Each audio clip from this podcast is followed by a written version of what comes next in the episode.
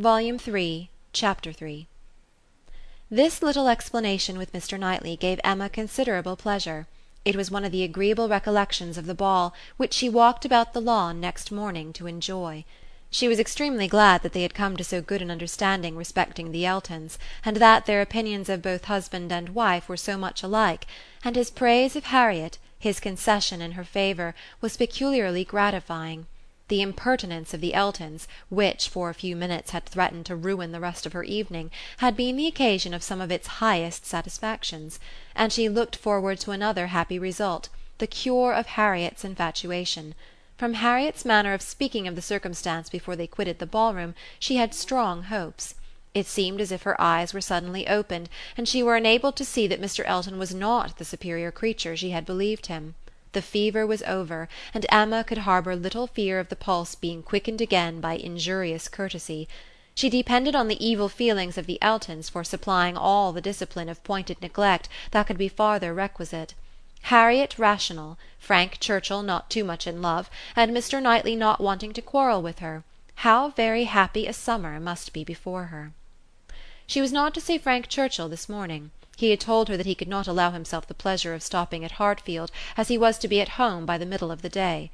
She did not regret it. Having arranged all these matters, looked them through and put them all to rights, she was just turning to the house with spirits freshened up for the demands of the two little boys, as well as of their grandpapa, when the great iron sweep gate opened, and two persons entered whom she had never less expected to see together Frank Churchill, with Harriet leaning on his arm actually Harriet! A moment sufficed to convince her that something extraordinary had happened. Harriet looked white and frightened, and he was trying to cheer her. The iron gates and the front door were not twenty yards asunder; they were all three soon in the hall, and Harriet immediately sinking into a chair fainted away. A young lady who faints must be recovered, questions must be answered, and surprises be explained. Such events are very interesting, but the suspense of them cannot last long. A few minutes made Emma acquainted with the whole.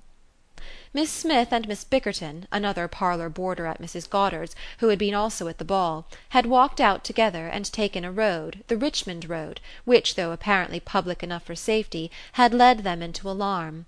About half a mile beyond Highbury, making a sudden turn, and deeply shaded by elms on each side, it became for a considerable stretch very retired, and when the young ladies had advanced some way into it they had suddenly perceived at a small distance before them, on a broader patch of greensward by the side, a party of gipsies. A child on the watch came towards them to beg, and Miss Bickerton, excessively frightened, gave a great scream, and calling on Harriet to follow her, ran up a steep bank, cleared a slight hedge at the top, and made the best of her way by a short cut back to Highbury.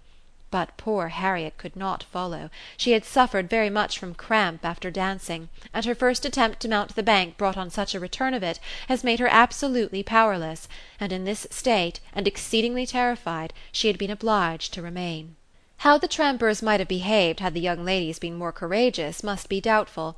But such an invitation for attack could not be resisted, and Harriet was soon assailed by half a dozen children, headed by a stout woman and a great boy, all clamorous and impertinent in look, though not absolutely in word. More and more frightened, she immediately promised them money, and taking out her purse, gave them a shilling, and begged them to not want more or to use her ill. She was then able to walk, though but slowly, and was moving away, but her terror and her purse were too tempting and she was followed, or rather surrounded, by the whole gang, demanding more. In this state Frank Churchill had found her, she trembling and conditioning, they loud and insolent. By a most fortunate chance his leaving Highbury had been delayed so as to bring him to her assistance at this critical moment. The pleasantness of the morning had induced him to walk forward, and leave his horses to meet him by another road, a mile or two beyond Highbury; and happening to have borrowed a pair of scissors the night before of Miss Bates, and to have forgotten to restore them, he had been obliged to stop at her door, and go in for a few minutes; he was therefore later than he had intended, and being on foot was unseen by the whole party till almost close to them. The terror which the woman and boy had been creating in Harriet was then their own portion. He had left them completely frightened, and Harriet, eagerly clinging to him, and hardly able to speak, had just strength enough to reach Hartfield before her spirits were quite overcome. It was his idea to bring her to Hartfield; he had thought of no other place. This was the amount of the whole story; of his communication and of Harriet's as soon as she had recovered her senses and speech. He dared not stay longer than to see her well. These several delays left him not another minute to lose; and Emma engaging to give assurance of her safety to Mrs Goddard, and notice of there being such a set of people in the neighbourhood to Mr Knightley, he set off, with all the grateful blessings that she could utter for her friend and herself. Such an adventure as this! A fine young man and a lovely young woman thrown together in such a way could hardly fail of suggesting certain ideas to the coldest heart and the steadiest brain. So Emma thought, at least. Could a linguist, could a grammarian, could even a mathematician have seen what she did, have witnessed their appearance together and heard their history of it, without feeling that circumstances had been at work to make them peculiarly interesting to each other? How much more must an Imaginist, like herself, be on fire with speculation and foresight, especially with such a groundwork of anticipation as her mind had already made? It was a very extraordinary thing. Nothing of the sort had ever occurred before to any young ladies in the place within her memory no rencontre, no alarm of the kind; and now it had happened to the very person, and at the very hour, when the other very person was chancing to pass by to rescue her. It certainly was very extraordinary; and knowing as she did the favourable state of mind of each at this period, it struck her the more. He was wishing to get the better of his attachment to herself, she just recovering from her mania for Mr. Elton. It seemed as if everything united to promise the most interesting consequences. It was not possible that the occurrence should not be strongly recommending each to the other.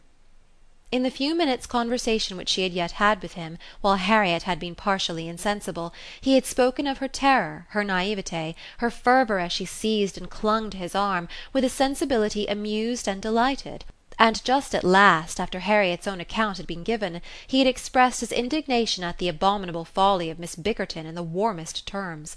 Everything was to take its natural course, however, neither impelled nor assisted. She would not stir a step nor drop a hint. No, she had had enough of interference. There could be no harm in a scheme, a mere passive scheme; it was no more than a wish. Beyond it she would on no account proceed.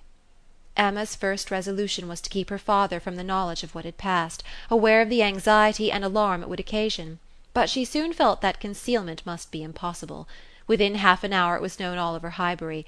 It was the very event to engage those who talk most, the young and the low; and all the youth and servants in the place were soon in the happiness of frightful news. The last night's ball seemed lost in the gipsies. Poor Mr. Woodhouse trembled as he sat, and, as Emma had foreseen, would scarcely be satisfied without their promising never to go beyond the shrubbery again.